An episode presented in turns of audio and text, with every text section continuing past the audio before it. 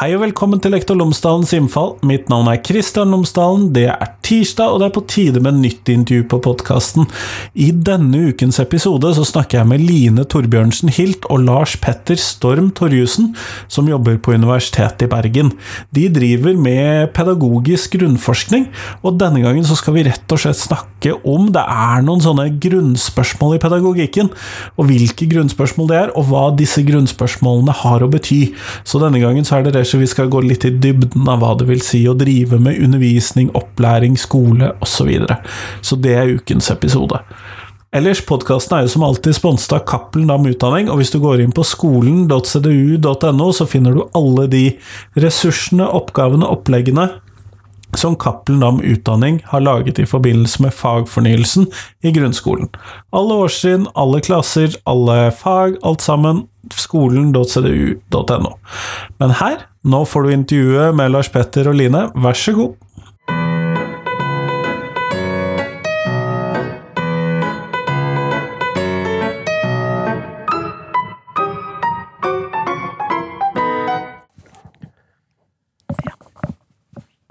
Lars Petter og Line, tusen takk for at dere har tatt dere tid til meg i dag. Tusen takk for at vi fikk komme. Ja, selv takk. Før vi starter på selve samtalen, så hadde jeg håpet at dere kunne fortelle lytterne mine tre ting om dere selv, sånn at de kan få bli litt bedre kjent med dere. Og da kan vi starte med deg, Line. Ja, takk for det. Jeg eh, er jo altså professor, ganske ny professor, på Institutt for pedagogikk eh, på Universitetet i Bergen. Og jeg har eh, både lærerbakgrunn, har tatt lærer i skole og jobbet litt som lærer, men òg filosofibakgrunn. Så jeg har master i filosofi og jobbet eh, på X-Fil og jobbet en del med, med filosofiske spørsmål. Og denne boken som vi skal snakke om i dag, er nettopp en sånn type kobling mellom pedagogikken og filosofien, eller grunnspørsmål, som vi kaller det. da. Så det er litt om fagbakgrunnen min, og så har jeg lyst til å si at uh, jeg gjennom studiene mine så har jeg egentlig utforsket mye av det jeg syns var interessant. Som lærer først, da, så jeg hadde det i bunn, men jeg hadde Jeg studerte mye forskjellig i ni år. Og det har jeg lyst til å si fordi at eh, vi i dag snakker veldig mye om studentgjennomstrømming og eh, den type ting, og at vi skal ha sluse studentene fortest mulig igjennom. Og eh, jeg syns at jeg har lyst til å slå et slag for at utdanning også er en dannelsesreise. Og at man også kan bli noe selv om man har rotet rundt en del på universitetet i sin tid. Uh, og det tredje jeg har lyst til å si, er at jeg har tre barn uh, som er i skolealder og sen barnehagealder. Og uh, så naturlig nok er jeg veldig engasjert i spørsmålet om den beste mulige skolen for neste generasjon og videre generasjoner. Ja. Så det var det tre ting. Det hørtes ut som tre ting, Lars Petter. Ja, Eh, tre ting om meg. Eller kan du begynne med å si at jeg er førsteamanuensis i pedagogikk her på Instituttet for pedagogikk eh, ved Universitetet i Bergen. Og eh, i likhet med Line så driver jeg òg og, og, forsker i krysningspunktet mellom pedagogikk og eh, filosofi. Jeg er òg programansvarlig for eh, pedagogikkdelen på lektorutdanningen. Eh, så vi driver jo og utdanner lektorer her på på huset. Og det er jo et samarbeid mellom uh, forskjellige fakulteter, så det er en ganske stor og kompleks utdanning. Uh, kanskje i likhet med Line så har òg min vei hit vært litt kronglete. Jeg kom uh, opprinnelig fra filosofien, og så Hva jeg da gjorde etter et langt studium, var at jeg fant ut at jeg ville studere enda mer. Så da utdannet jeg meg til lærer. Og så hadde jeg en veldig kjapp karriere i skolen før jeg da fikk et stipendiattilbud her på um, Universitetet i Bergen. Eller tilbud og tilbud, det var hardt arbeid og søking og avslag og Det er lange jobbsøknader for er lange jobbsøknader. Det tar ganske, men da når du Da føles det ekstra godt å sitte i stolen da når du, når du kommer det så langt. Uh, jeg vet ikke om jeg heller hadde en sånn voldsom plan. Jeg har studert veldig mange forskjellige fag. Eh, men eh, jeg vil jo si at eh, de mest avgjørende tingene skjedde grunn av ting som jeg selv ikke kunne kontrollere. Altså, jeg fikk høre om at det var en stilling her, og ja, det var på en måte ikke en del av planen min å, å være her. Um, ellers så har jeg òg uh, en høne å plukke med den norske skole, for det, jeg har ikke lært å stupe, og jeg har heller ikke lært å crawle, selv om vi hadde svømming én gang i uken. Og jeg har heller ikke lært å plystre sånn høyt. Altså, vet sånn, du tar to fingre i munnen og plystrer veldig høyt. Det er bare sånn uh, Og jeg har ikke lært å stryke skjorter. Jeg vet ikke om det er skolens ansvar å gjøre, da. Men uh, Nei, men jeg kan fortelle at uh, tidligere høyere utdanningsminister Henrik Asheim også trakk fram sin mangel på ferdigheter innenfor stuping på ja. akkurat samme spørsmål. Ja, jeg... Mangel på livsmestring. Ja, altså jeg kan tenke, altså det er jo flere og flere ting som går inn i skolen. Privatøkonomi og sånne ting. Så jeg vil jo si at stuping og crawling er et offentlig ansvar. Så det har jeg måttet lære i, i voksen alder. Og dette kommer vi vel kanskje potensielt i hvert fall indirekte innom her, fordi at det vi skal snakke om, det er denne boken deres eh, grunnspørsmål i pedagogikken. Og jeg må jo først vite hva er det som er Hva er det vi mener når vi snakker om grunnspørsmål i pedagogikk? For det, det, det fremstår ikke som helt tydelig for meg, da. Ja. Skal jeg begynne? Vil du begynne? Litt, ja? Nei, altså eh, Det er jo det at eh, man hører jo ofte diskusjoner om utdanning, hva, hva opplæring og undervisning skal være, og hva det skal handle om. Senest for noen dager siden så intervjuet jo de den nye kunnskapsministeren Tonje Brenna om hva ambisjoner hun hadde for, for skolen. Eh, og hun sa at hun skulle ønske man kunne knekke koden om hvordan man kunne lære barna mer. Eh, og at det ville på en måte skape et nytt, eller et bedre eh, skolesystem. Eh, og det er jo fint nok å lære mer og sånn, men, men, det denne boken handler om, er, han er mer om hvorfor vi lærer. Eh, hva eh, eh, begrepet som læring er for noe, og hvordan det relaterer seg til andre fenomener og begreper som, som har vært viktige gjennom hele pedagogikkens historie. Og eh, jeg tenker at før vi kan etablere om vi skal lære mer, så må vi snakke om hva vi skal lære noe om, og hvorfor vi skal lære det. Og når vi snakker om hvorfor-spørsmål, da kommer vi inn i mer sånn begrunnelsesspørsmål og normative eh, forutsetninger, eh, som de, denne boken handler om i stor grad. Da. Sånn at eh, det er veldig mange aktører veldig mange posisjoner og stemmer der ute om, som har en, på en måte en interesse i skolen, og som ønsker å si noe om hva skole er. Og, ofte så hviler de diskusjonene på litt mer sånn grunnleggende spørsmål. Og det er de spørsmålene vi har ønsket å skrive en bok om, der vi har samlet forskere fra egentlig hele landet, da, eh, men der vi også har skrevet en god del tekster sjøl. Ja.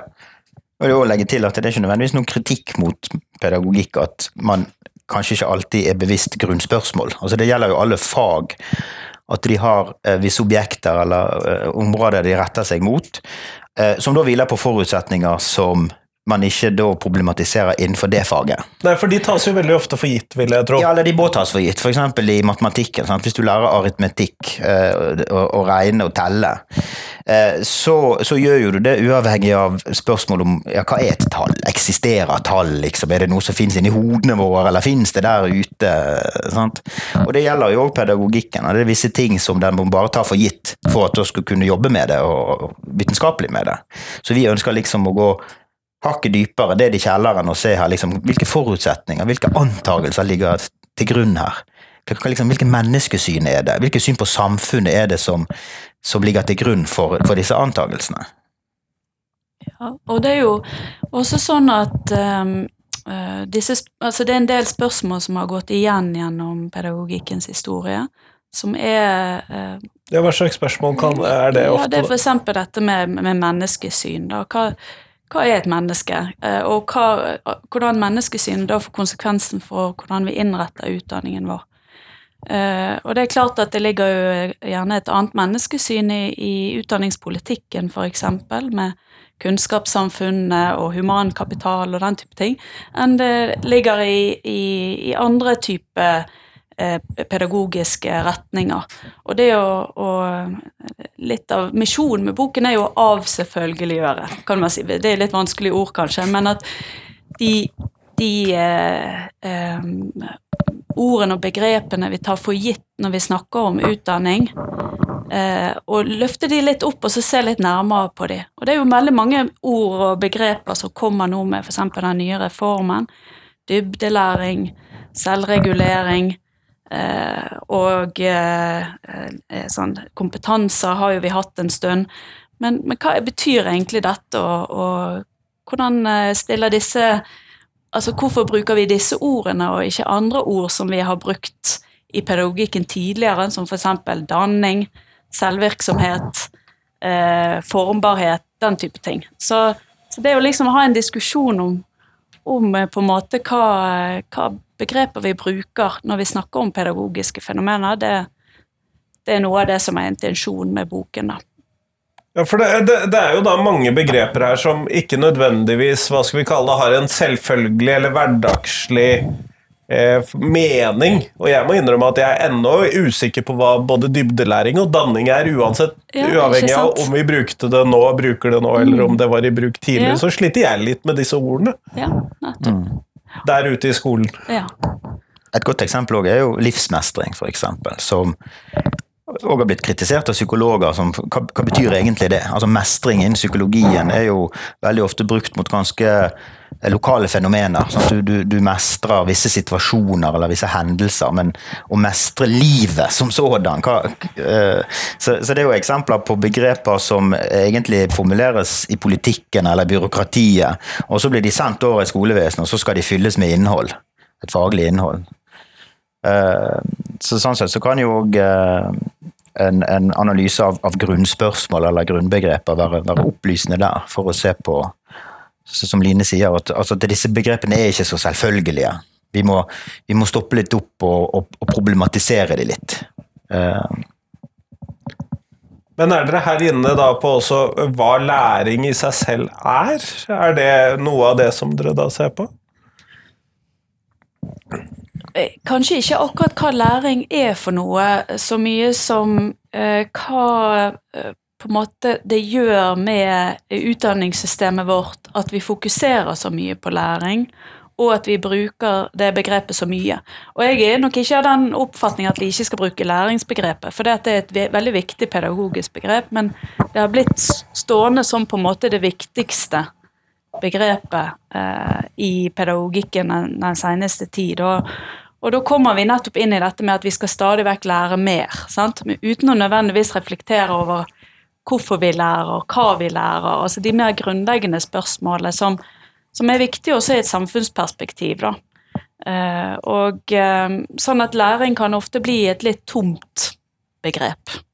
Eh, I motsetning til da f.eks. danning, som, som i hvert fall eh, eh, vanligvis har hatt både en formal og en materiell dimensjon, altså at det har vært både knyttet til type ferdigheter og den type ting, og, eh, og dyder eh, og, og, og ting, altså, ting, man skal mestre, men òg at det har vært knyttet til et kulturelt innhold.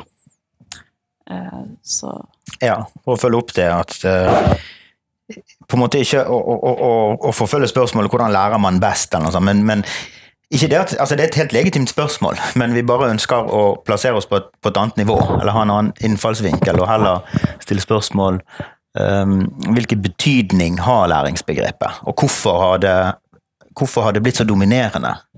Og da har jo vi skrevet et kapittel her uh, sammen hvor vi har pekt på en rekke ting med læringsbegrepet som òg er problematiske. Eh, blant annet det at det er noe du kan formulere uavhengig av et innhold. altså Du kan snakke om læring uten at du snakker om hva du skal lære om. Du kan bare si at læring er bra, vi må ha mer læring. Men det er òg et begrep som kan fungere uavhengig av læreren som en, som en personlig aktør. Altså at det blir noe som eleven selv uh, igangsetter og, og gjør, og, og, og, læreren som, en, som, en, som person er, er, er mindre viktig i den prosessen. Um, ja, fordi at da kommer vi innom dette her med om læreren faktisk kan lære bort, eller om eleven er den som står for hele prosessen, og hvem som er de forskjellige aktørene i dette, da. blir på en måte så fungerer begrepet litt uansett.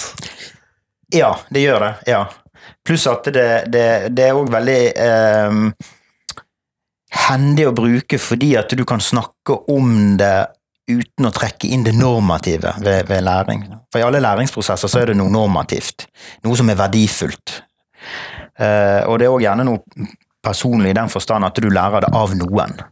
Altså Når folk tenker tilbake på skoletiden sin, så, så det de husker, er jo som regel lærere. Hvordan de i sin person og sitt vesen var i klasserommet. Som et forbilde som, som man ønsker å, og, og, og, gjerne imitere. Det er veldig mange, lektor, uh, mange på lektorutdanningen som, som, nettopp sier det når de får spørsmål om hvorfor de ønsker å bli lærer. Så er det det jeg hadde en helt fantastisk lærer på skolen som personliggjorde faget. Som virkelig viste meg hvordan man skal uh, forholde seg til, til faget. Eller i, i negativ fortegn. Jeg hadde en veldig dårlig lærer. Derfor, jeg vil vise at dette kunne jeg gjort bedre sjøl. Ja, eller jeg vil ikke Ja, men det er mange som helt ærlig å si, jeg vil ikke at jeg vil ikke at andre skal oppleve det som jeg opplevde. Altså at det var en, en dårlig lærer. Så derfor så bare reverserer de det. Altså alt det den læreren ikke gjorde, det blir på en måte mitt kompass i lektorutdanningen. Um, så, så uh, For å vende tilbake til læringsbegrepet, så vil jo da begreper som f.eks. oppdragelse og danning, de, de forholder seg til noe normativt. Og de er jo vanskeligere å bruke i styringsdokumenter. De er vanskeligere kanskje å bruke i skolevesenet, fordi at da må du ta stilling til, til normative ting. Til personlige ting. Mm. Men hvordan bestemmer vi hva som er dette eh, normative? Har dere sett på det i boken? Ja, det er jo eh, egentlig noe som tas opp i flere av kapitlene. Eh, fordi at eh, eh det som man kan si, er at det, og som Lars Petter understreker her, det er jo at eh, det alltid vil være normative spørsmål knyttet til utdanning. Man kan si at på en måte utdanning i seg sjøl har med normativitet å gjøre, fordi at vi, vi skal jo Altså når vi utdanner uh, barn og unge, så, så gir vi på en måte et bidrag til fremtiden. Og, og vi, da må vi ta stilling til hva er det for type samfunn vi vil ha i fremtiden, og hva er det for type verdier eller rammer vi skal ha for utdanningen vår. Og det er normative spørsmål. Sånn at det er ikke det, dermed sagt at eh, pedagogikken er et rent normativt fag. Uh, fordi at det finnes jo veldig mye eh, vitenskap som vi trenger for å, å, å, vite hvordan vi skal gjøre det på best mulig måte der ute i skolen. Men bakenfor disse ligger disse spørsmålene, som også må på en måte belyses. Og, og, det er også noe som lærere må ta stilling til i sin praksis. For å si det sånn, så kunne jo du vært veldig godt utdannet som lærer har lært deg veldig mange gode teknikker for undervisning osv. Være en ganske uh, dyktig lærer på den måten, men likevel være en dårlig lærer. Det ligger noe uh, annet bak der, og hva er det for noe? sant? Uh, og, og um, en Jeg har jo også lyst til å si litt at, um, at boken vår driver Altså, vi, vi kritiserer ikke bare begreper. Vi, vi alle be, kapitlet har også på en måte konstruktive bidrag. Og det er klart det at altså Dette som vi snakker om med det normative, det er vanskelig å fastsette i, et verdipluralistisk samfunn. Eller et postkonvensjonelt samfunn, som vi også snakker om. sant? At vi, vi lever i et samfunn der vi ikke på en måte har en enhetlig eh, på en måte verdisystem som vi kan overføre gjennom skolen. sant? Sånn at det stiller jo eh, Altså disse grunnspørsmålene eh, som vi, vi, snakker om, de eh, er jo Mange av de er jo tidløse, men det er jo nye premisser. Sånn at disse kapitlene er jo aktualisert og knyttet til problemer i våre dager. Og en ting er jo eksempel da kan vi eh, formidle et kulturelt innhold i skolen? Kan vi formidle bestemte verdier? Eller går det på tvers av f.eks. For foreldrenes eh, mandat? Og eh, er det sånn at, eh, at vi fremdeles kan snakke om kulturarv, formidling. Altså Tidligere har jo læreren på en måte vært en kultur- og en danningsformidler. Men eh, mens vi i dag gjerne snakker om læreren som er sånn ekspert på undervisning.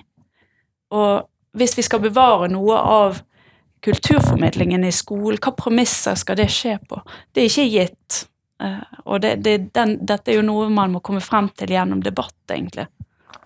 Eh, deliberativt, mer enn at vi kan bestemme det en gang for alle, kan, kan man si da. Mm, Men kunne vi sett for oss at skolen For jeg oppfatter i alle fall at skolen har et tydelig sånn verdimandat i eh, opplæringsloven osv. som sier noe om hva læreren skal formidle, men kunne man da sett for seg at skolen ikke hadde et fastsatt verdigrunnlag, f.eks.? Kunne ja, Nå prøver jeg å tenke høyt ut ifra hva, Ja. hva som eh, Hva jeg tror du skisserte, da. Ja, ja. Altså eh, Jeg tenker jo at um, Altså, det du sier, er at skolen har klart uh, Jeg oppfatter i hvert fall det ja, sånn. Ja, Så kan du jo si at ja, den har jo i og for seg det. Sant? Du har jo sånn formålsparagrafen, sant? Og, så, eh, og der er jo det en opplisting av en del eh, bestemte verdier, som åndsfridom og, og eh, Respekt og likeverd og Respekt og likeverd solidaritet. og, og den type ting. sant? Og, ehm, eh, og, det kan du si at eh, ehm, eh, En del spørsmål knyttet til fordi at Tidligere så var jo dette definert ut fra religion, sant? Mhm. Eh, og der det var kristendommen hadde en privilegert plass. Man kan jo diskutere om det fremdeles har det i våre dager, sant? fordi at kristendommen er opphevet fremfor andre religioner i den første paragrafen der. Eh, og, eh, men dette viser jo at altså forskyvningen av formålsparagrafen, mens man tidligere hadde formuleringer som oppdras i en kristen kultur, så handler det nå om, om kjennskap til verdier som uttrykker seg i forskjellige religioner. Eh, Så det viser litt om hvor skolen har gått henne. Og det, eh, sånn må det jo nødvendigvis være. Men eh, det vi kan risikere, er jo at vi mister litt av verdigrunnlaget hvis vi tenker at eh, at, skal, at skolen skal bare avspeile et eksisterende mangfold. Eh, sånn at her er det et, på en måte Man kan si at det er en, eh, en, et dilemma mellom at man skal kunne ha en slags eh, noen bestemte verdier, og det å skulle være åpen for at samfunnet har beveget seg i en annen retning. Da. Og disse spørsmålene er noe som, som vi, vi diskuterer en del i boken, i en del av kapitlet. Blant annet om de to kapitlene som jeg har skrevet om eh, fellesskapsdanning i flerkulturelle samfunn, men òg et kapittel som handler om moralsdanning, som handler om hvorvidt vi kan snakke om eh, et på en måte faste verdier i skolen, eller om eh, elevene bare skal lære seg det å kjenne igjen verdier og vurdere de, for eksempel. Eh, det er jo Deskriptivt eller normativt. ja, eh, på en måte kan du si det. sant, at um, i, i eh, altså, Jeg vil jo si at læreplanen har beveget seg litt mer mot eh, at eh, elevene skal ha etisk kompetanse fremfor innsikt i moralske anliggender, på en måte. da. Eh, og, ehm, og det kan det være fordeler med i et eh, verdipluralistisk samfunn. Og det kan også være kanskje noen ulemper med det. Mm. Men Lars Petter, eh, med disse her eh, vurderingene om hva verdiene skal være, og hva som formålet med skolen skal være, om det skal ligge kulturarv eller ikke, så går det veldig fort over i en, et møte mellom skolen og politikken. Da. Ja. Og hvor, hvor er det den grensen skal gå? Ja, det er veldig vanskelig å gi et svar på. Eh, Enklere er å si at eh, disse utfordringene finnes, og vi må diskutere dem, og vi må ha en løpende dialog knyttet rundt dette. Eh, bare angående det med, med, med skolens verdigrunnlag, eh, før vi lukker den, eh, den døren, så vil jeg bare si det at skolen har et verdigrunnlag, enten den vil det eller ei. Og en skole som vil hevde at den ikke har noe verdigrunnlag, vil jo være noe av det farligste som fins. Fordi at det vil være et verdigrunnlag som er usynlig, som er liksom tåkelagt. Eh, og det, det er jo noe vi peker på òg i, i, i et av kapitlene våre nettopp hvordan eh, dette kompetansebegrepet kan ha en tendens til å tilsløre litt at her er det snakk om eh, moralske vurderinger. Det blir sett på som rent sånn deskriptive, faktiske beskrivelser av, av f.eks. personer. Så hvis du sier f.eks. om en person at eh, han eller hun er en jækla tosk, så vil alle si at det er en skikkelig tydelig normativ vurdering. Hvis du sier noe om at de har en lav sosial kompetanse, så er det litt mer uklart om dette her eh, er fremdeles et normativt språk eller ikke. Eh, men hva var det du sa om politikken og skolen? Nei, det, det, blir jo veldig fort et møte mellom den politiske verden og skolens verden når man eh, skal vurdere eller legge inn verdier, eller bli enige om hva disse verdiene er, eller hvilket menneskesyn som gjelder for skolen. Og der må du vel Man må i hvert fall ha et reflektert forhold til det politiske opp mot skolen, eller hvordan ser man Hvordan er det som spørsmål, da, som grunnspørsmål? Jeg tenker En god begynnelse der er å si at skolen er på en måte ikke et objekt, det er mer en slagmark. Der det er forskjellige folk som vil ha en bit av kaken. Det er elevene selv, eh, det er foreldrene og det er lærerne. Men så har du òg f.eks. ledelsen ved skolen. Eh, og så har du politikken, og så har du Ja, vi kan sikkert nevne mange flere. Og, og, um, og alle har jo på en måte et forhold til skolen. Alle har et forhold til skolen, og det er helt legitimt at de vil forskjellige ting med skolen. De har altså Foreldre har helt særegne briller på seg når de møter skolen, f.eks. gjennom sine barn, eller uh, men, men, i hvert fall få en avklaring at uh, skolen er ikke én ting. Den kan ses på fra veldig, veldig mange perspektiver. Det, det, det, tror jeg kan være sunt. Da, unngår du òg at uh, ett hensyn dominerer over et annet. Eksempel skolen skal jo utdanne til kvalifisert arbeidskraft.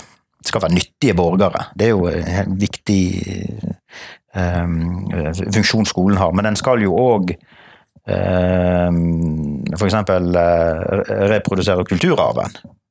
Og du skal danne elever. Og de går i forskjellig retning. Det er ofte konflikt mellom dem.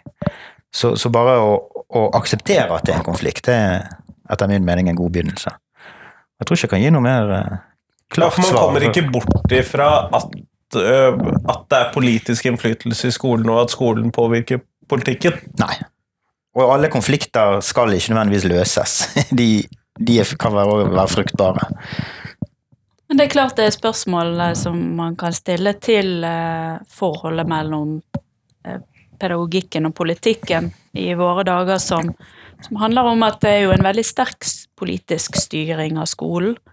og at kanskje også en del av det som denne boken kan bidra med, er jo å belyse noe av det særegne ved pedagogiske spørsmål som ikke alltid blir tatt høyde for av politikerne. Og det gjør det Altså, det er ikke det at det nødvendigvis eh, kunne gjort det heller, fordi at de har sine rammer å forholde seg til og, og, og, eh, og sin agenda. Men, eh, men den eh, Det er klart at den fortellingen som vi ofte hører om om kunnskapssamfunnet og det at vi konkurrerer i et globalt arbeidsmarked, og at elevene på en måte skal eh, lære seg da eh, bestemte kompetanser og ferdigheter for at Norge skal være konkurransedyktig eh, globalt sett, det, eh, det, er jo absolutt en, en posisjon som står veldig sterkt politisk, og som kan kritiseres, da. Eh, og der det fins alternative måter å tenke på om skolen, og hva, hva skolens formål er for noe i samfunnet. Ja, for det legger vel noen føringer for hva skolen er og kan være. Ja. Mm. Men ja. ja det jeg eh, eh, Altså, mitt perspektiv for skolen nå er jo både som lærerutdanner, men òg som forelder. Og da er jo jeg veldig fanget i den oppfatning at skolen er veldig bra. Du bør gjøre det godt på skolen, og du bør uh, ja, være, være, flittig og gjøre som skolen vil. Men når jeg tenker tilbake på min egen skolegang, f.eks. når jeg gikk i um, andre klasse på videregående skole, så var jeg et sted i livet mitt der jeg hadde nettopp fått meg dame og hadde begynt å spille i band. og Hadde veldig mange ting som var ganske viktige på meg utenfor skolen. Så i andre gym, da kalte vi det fremdeles det, da forsømte jeg skolen og fikk helt ræva karakterer. Men det var veldig bra for meg personlig det året. Og jeg hentet meg inn igjen i tredje. Så det gikk bra til slutt. Men det perspektivet syns jeg er veldig vanskelig å ivareta som lærerutdanner og som forelder. Sant? Da står du liksom på skolens side. Ja, for da er det mer, mest mulig læring, Mest mulig læring, gjør leksene dine. Det er ingen unnskyldninger. Det, altså, det å være med kompiser istedenfor for, for å gjøre lekser er en helt latterlig unnskyldning for meg. Ja, for vi skal jo ikke oppfordre ungene våre Nei, nei, til å nei. henge med dama og skulke skolen og Nei. Men da er poenget mitt at vi må, vi, må, vi må godta det at det er forskjellige aktører inne i skolen, og alle står og trekker i, i sin retning, og det finnes noe utenfor skolen, men det er kanskje ikke vår jobb som lærerutdanner og foreldre å, å trekke i den retningen. Vår jobb er å si at skolen er en bra ting. Men vi må være bevisst på at vær vi bevisst at det finnes andre som sier noe annet. Nettopp. Men er det en problemstilling at mange av de som jobber i skolen og bestemmer i skolen osv., er oppvokst i en skole som ser helt annerledes ut enn den skolen vi har i dag? Du nevnte det mangfoldige Ja. i stad. Kan det være en problemstilling for skolen? Ja, kan du eh, si det en gang til? Nei, altså de som bestemmer i skolen, Ja. og de som jobber i skolen, og Ja. de som eh, utdanner de som jobber i skolen, de er jo oppvokst normalt sett et eller annet sted mellom 10 og 40 år før den skolen som vi har akkurat i dag.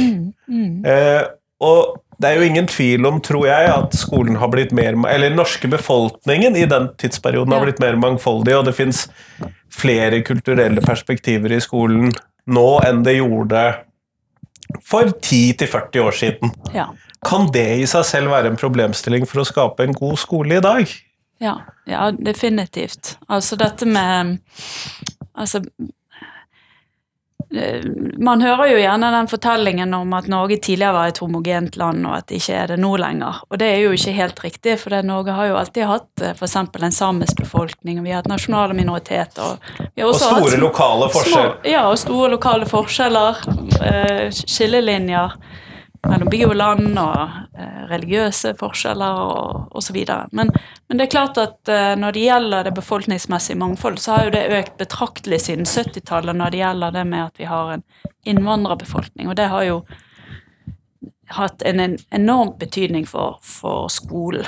Eh, og, og der er det jo klart at at det er noen nye spørsmål som kommer inn i forhold til at vi ikke kan på en måte eh, lukke øynene for elevmangfoldet når vi velger ut f.eks. det kulturelle innholdet i, i skolen. Og at, eh, at lærere også må ha en, eh, en kompetanse eller en, eh, en, en bevissthet rundt spørsmål knyttet til elevmangfoldet. Det er viktigere enn noensinne, vil jeg si. Samtidig kan jeg skyte inn eh, samtidig, altså Jeg kjøper det du sier. Samtidig vil jeg også si at altså et trekk ved vårt samfunn er at generasjonene ikke lenger helt lever i samme verden. At vi, vi er et samfunn hvor du har hver generasjon for seg. Men skolen er jo kanskje det stedet der generasjonene blir tvunget til å møtes.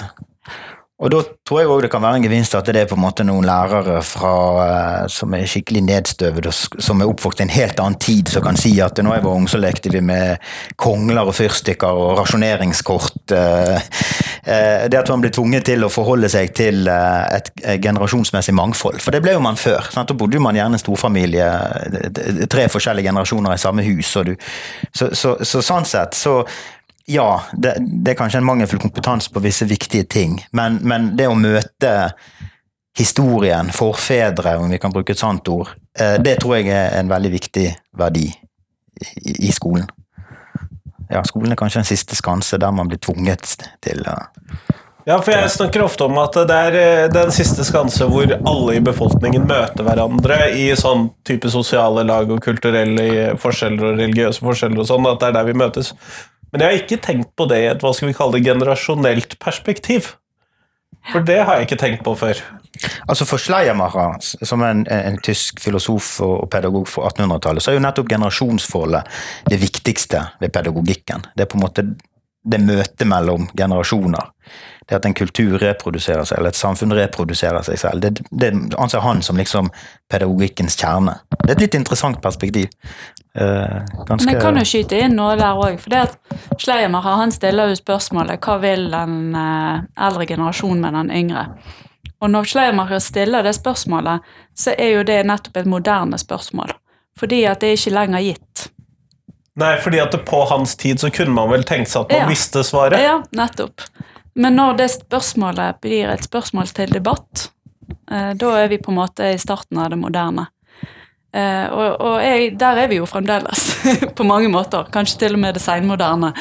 Men, men uh, dette spørsmålet blir jo også eh, viktig i vår skole. Og det er jo egentlig et veldig grunnleggende spørsmål for skolen. Og det, det, er også det som det illustrerer litt det vi har vært inne på tidligere. fordi at hva som skal være innholdet i skolen, hva vi skal lære, hva vi skal fokusere på, handler om et sånn grunnleggende spørsmål hva vil den eldre generasjon med, med, den yngre? da? Og det er et normativt spørsmål. Ja, det er jo det.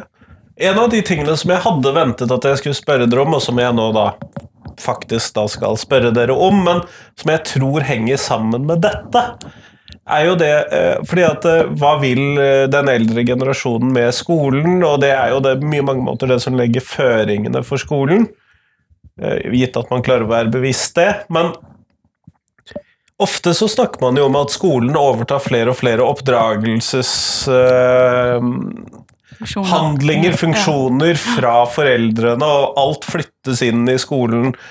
Uh, og så opplever jeg jo at det er et, en trekant der mellom danning, uh, faktiske kunnskaper og ferdigheter, og oppdragelse. Og så, men klarer dere å gi noe svar på oppdragelsen som en del her?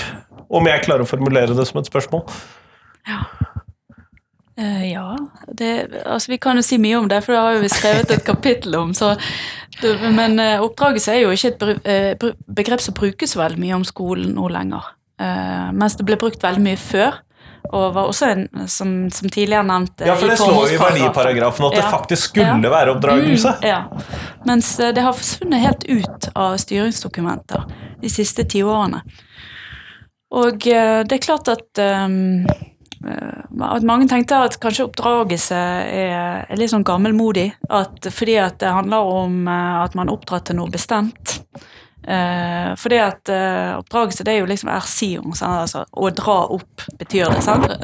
Og, og, at man på en måte at det på en måte hører til det gamle. At, fordi da hadde man en bestemt kultur man skulle inn, altså innvies i da, gjennom oppdragelsen. sant? Men um, det som er litt interessant, er jo at oppdragelse eh, er på en måte altså tidligere tenkt som en nødvendig forutsetning for å etter hvert bli eh, en kritisk borger. Fordi at eh, det er oppdragelsen som gjør deg i stand til å etter hvert ta avstand fra det du er oppdratt i. Sånn at en, innvielse på, måte, på den måten er nødvendig for å etter hvert kunne bevege verden videre. Eh, så sånn sett så eh, Altså læring fanger ikke opp den, den, den, dynamikken der, kan man si, mens, mens det gjør jo da f.eks. For forholdet mellom oppdragelse og danning, som vi har skrevet en del om. Eh, læring har ikke noe endemål. Du lærer hele livet. og det er klart at hvis vi skulle egentlig tenke oss det som skjer i skolen som en livslang prosess, så er vi litt sånn ja, Det blir kanskje litt uh, sterke ord her, men vi er litt inne i totalitarisme. Fordi at uh, skolen er jo en ganske uh, Egentlig en autoritær og disiplinerende institusjon. sånn at det er jo noe som er forskjellig fra den læringen som foregår der, og den som foregår ellers i samfunnet. Selv om vi prøver med språket vårt å unngå å snakke om de maktforholdene som ligger der, da. Men, men det er en vesensforskjell mellom å oppdra unge mennesker og, og det å lære i arbeidslivet seinere, f.eks. Jeg vet ikke om du vil skyte inn noe der? Ja, eh, jeg vil gjerne supplere med altså, altså Ikke bare det som går på innhold, men det går jo òg Oppdragelse eh, har jo òg Altså Det antyder at det er en autoritet her. Vi har litt berøringsangst når det gjelder ordet autoritet. Vi vil helst at barn og unge skal at forholdet mellom barn og, voksne skal være eh, jevnbyrdig, og at helst barn skal oppdra seg selv. Sant? Vi, vi, henvender oss veldig ofte til barn eh, og unge i form av spørsmål. Sant? På 50-tallet da var det 'kom, nå er det middag'. Mens nå er det 'har du lyst til å spise middag nå'? Eller eh, for eksempel eh, for noen år siden så hentet jeg min sønn i barnehagen, og da hørte jeg en mor som sa til sønnen sin 'ja, har du lyst til å dra hjem nå'? Altså, er det egentlig et spørsmål? Er det Nei, kom igjen om en time. Du skal jo hjem. Men det er bare det er litt ubehagelig å være den som bestemmer nå skal dette og dette skje. Jeg, jeg er en autoritet. Så derfor så, eh, så, eh, så, så prøver vi å, å, skjule det litt. Og et ord som oppdragelse antyder veldig eh, klart en, en, autoritet. Så jeg tror det er litt sånn autoritets, uh, autoritetsangst i samfunnet vårt som har gjort at, at det begrepet har forsvunnet litt. Men når, hvis vi da skal gjøre en litt sånn kjapp oppsummering, da, eh, ut ifra det inntrykket jeg da nå sitter med, er, det, er, dette da en bok som i stor grad handler om mange av de tingene som, hvis jeg var skolepolitiker, som jeg burde være bevisst at er noe av det som svever rundt her, da?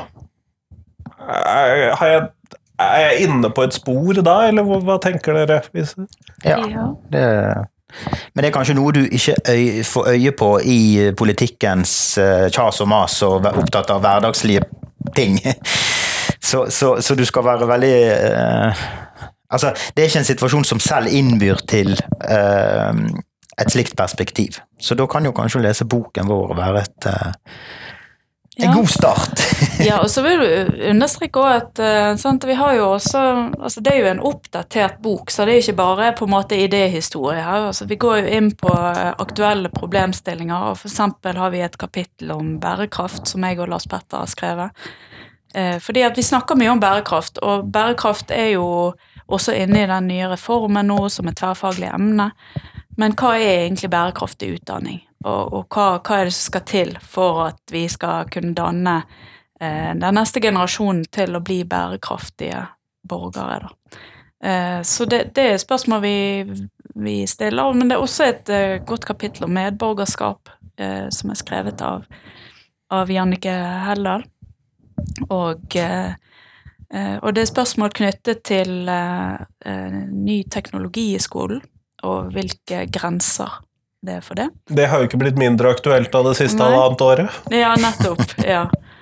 Eh, sånn at det er mange aktuelle eh, spørsmål i, i boken òg som er knyttet mer til eh, hva skal jeg si aktuelle problemer som, som lærere og pedagoger og, står overfor, men som, som allikevel kan knyttes til spørsmål som har vært diskutert tidligere, som egentlig er reaktualisering av, av spørsmålet på mange måter. Og så er det òg en, en, en, problemorientert bok. Altså det, veldig, det finnes jo bøker innen pedagogisk filosofi som på en måte går gjennom filosofihistorien, altså veldig personorienterte. Sant? Platon mente ditten og datten, og dette mente Platon om utdanning. Rousseau mente ditt og datt, og dette mente Rousseau om utdanning. Mens vi tar liksom problemene hva som uh, Med innspill da fra tenkerne, ja, og ikke motsatt? Ja. Mm, definitivt. Ja. Nettopp. Nei, men Kjempeflott. Eh, vi går mot slutten av uh, intervjuet. Og siden jeg startet med Line i stad, så tenker jeg at Lars Petter skal få lov til å svare på det siste spørsmålet først. Og det spørsmålet som jeg stiller alle jeg intervjuer, det er hva er de tre viktigste tingene skolen lærer elevene? Ja, da kunne jo svart noe sånn eh, danning, kritisk tenkning, lærelyst eller noe sånt. Men jeg vil velge en litt annen innfallsvinkel og si at Først kan jeg holde en bitte liten, kort tale, og så komme til poenget. Ja, ja. Dette er et fleksibelt medium. altså, I hele etterkrigstiden så har jo eh, stadig flere oppgaver blitt lagt på skolen. Den har liksom bare est ut. Eh, Eh, nå skal skolen drive sosial utjevning, nå skal skolen inkludere nyankomne, nå skal eh, skolen ta seg av psykologiske og helsemessige spørsmål osv. osv. Eh, det gjør at de som da faller fra skolen, de faller egentlig fra samfunnet. Eller det blir mindre og mindre rom for de som ikke fikser skolen i samfunnet vårt. Og skolen svarer med at ja, men da får vi enda flere oppgaver, og så blir det rommet enda mindre. Så det er en ond sirkel her, eh, på sett og vis. Eh, og, og, før var det ting du kunne gjøre utenfor skolen. Eh, og før var det òg noen som sa at eh, ja, jeg vet at dette er kjedelig, men det er to år igjen, og så er du ferdig. Du blir liksom aldri ferdig med skolen nå, i et, i et kunnskapssamfunn. Skolen krever liksom sjelen din, du må like skolen. Og så allerede på min tid så tror ikke jeg det var noen oppfatning at skolen skulle være gøy. Og vi sang jo den derre 'Fri, fri fra skolens slaveri'. Så jeg tenker skolen må nå selv ta det ansvaret. Dette høres jo veldig paradoksalt ut, det er kanskje mange som vil arrestere meg for dette. Men den må både gjøre det den gjør, og så må den si til barn og unge at det fins noe annet utenfor skolen. Det fins et liv utenfor skolen. Uh, var det tre ting, eller var det én ting? Eh, det er jeg litt usikker på, men hvis du hadde flere, så er det greit. Nei, jeg sier det er tre ting. Ja, det er flott. Line? Ja, takk. Ja, jeg har tenkt en del på dette, så jeg eh, jeg vil jo si at, eh, at, vi har vært inne på en del av, av de tingene tidligere. Og jeg, jeg tenker at uh, en del Altså, det som Jeg er egentlig veldig glad for at du stiller dette spørsmålet, og at du stiller det på den måten. For man kunne jo eh, også ha eh, stilt spørsmålet om sånn, hvordan kan man lære mer, eller så videre. Og det å, eh, å, skulle på en måte peke på de tre viktigste tingene, det er jo en veldig utfordring.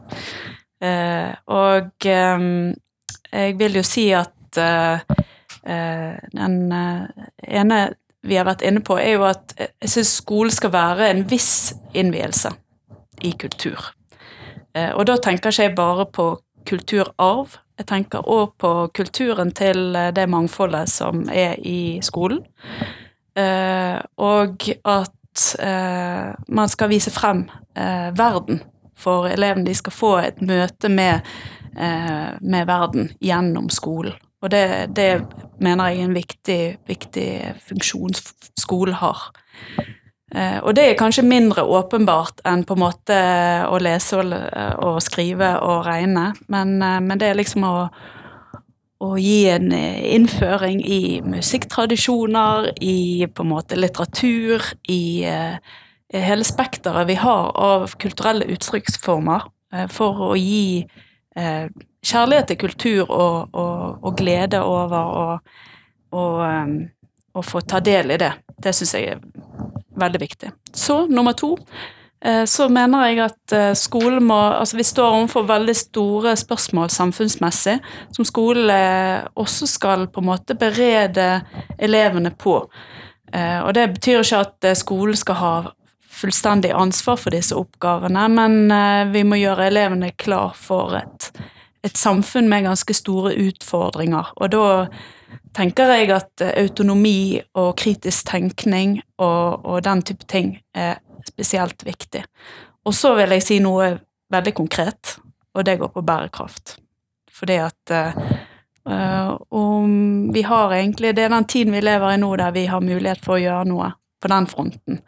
Uh, sånn at det uh, spørsmålet er viktigere kanskje enn alle andre når det gjelder konkrete spørsmål for skolen.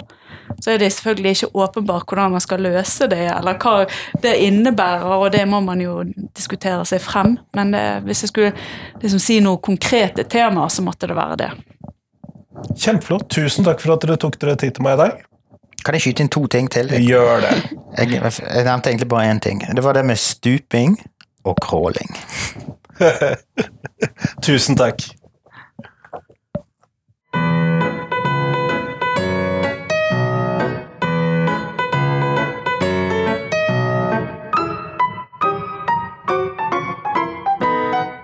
Tusen takk til Lars Petter, tusen takk til Line, og tusen takk til deg som hørte på. Jeg håper at du deler podkasten min med noen som du tror vil sette pris på den, enten du deler hele podkasten som i 'her, dette må du høre', eller at det er en episode som du tenker at passer ekstra godt for vedkommende. Jeg blir i hvert fall veldig glad når jeg vet at stadig flere hører podkasten min, og det er jo en motivasjonsfaktor, selv om jeg ofte har sagt at jeg ville drevet med dette uansett. Men nå er jo dette episode 405, så dette har åpenbart gitt meg noe. Så send meg gjerne tips, det blir jeg utrolig glad for. Eh, jeg prøver å få til de tipsene jeg får. Så tar det jo selvfølgelig litt tid. I øyeblikket så driver jeg og planlegger og har gjort avtaler for de tingene som jeg skal publisere fram til november. Så det hender jo at det tar litt tid, men jeg håper å få til det aller meste jeg får av tips. Men nå, nå får du ha en god dag videre. Hei, hei.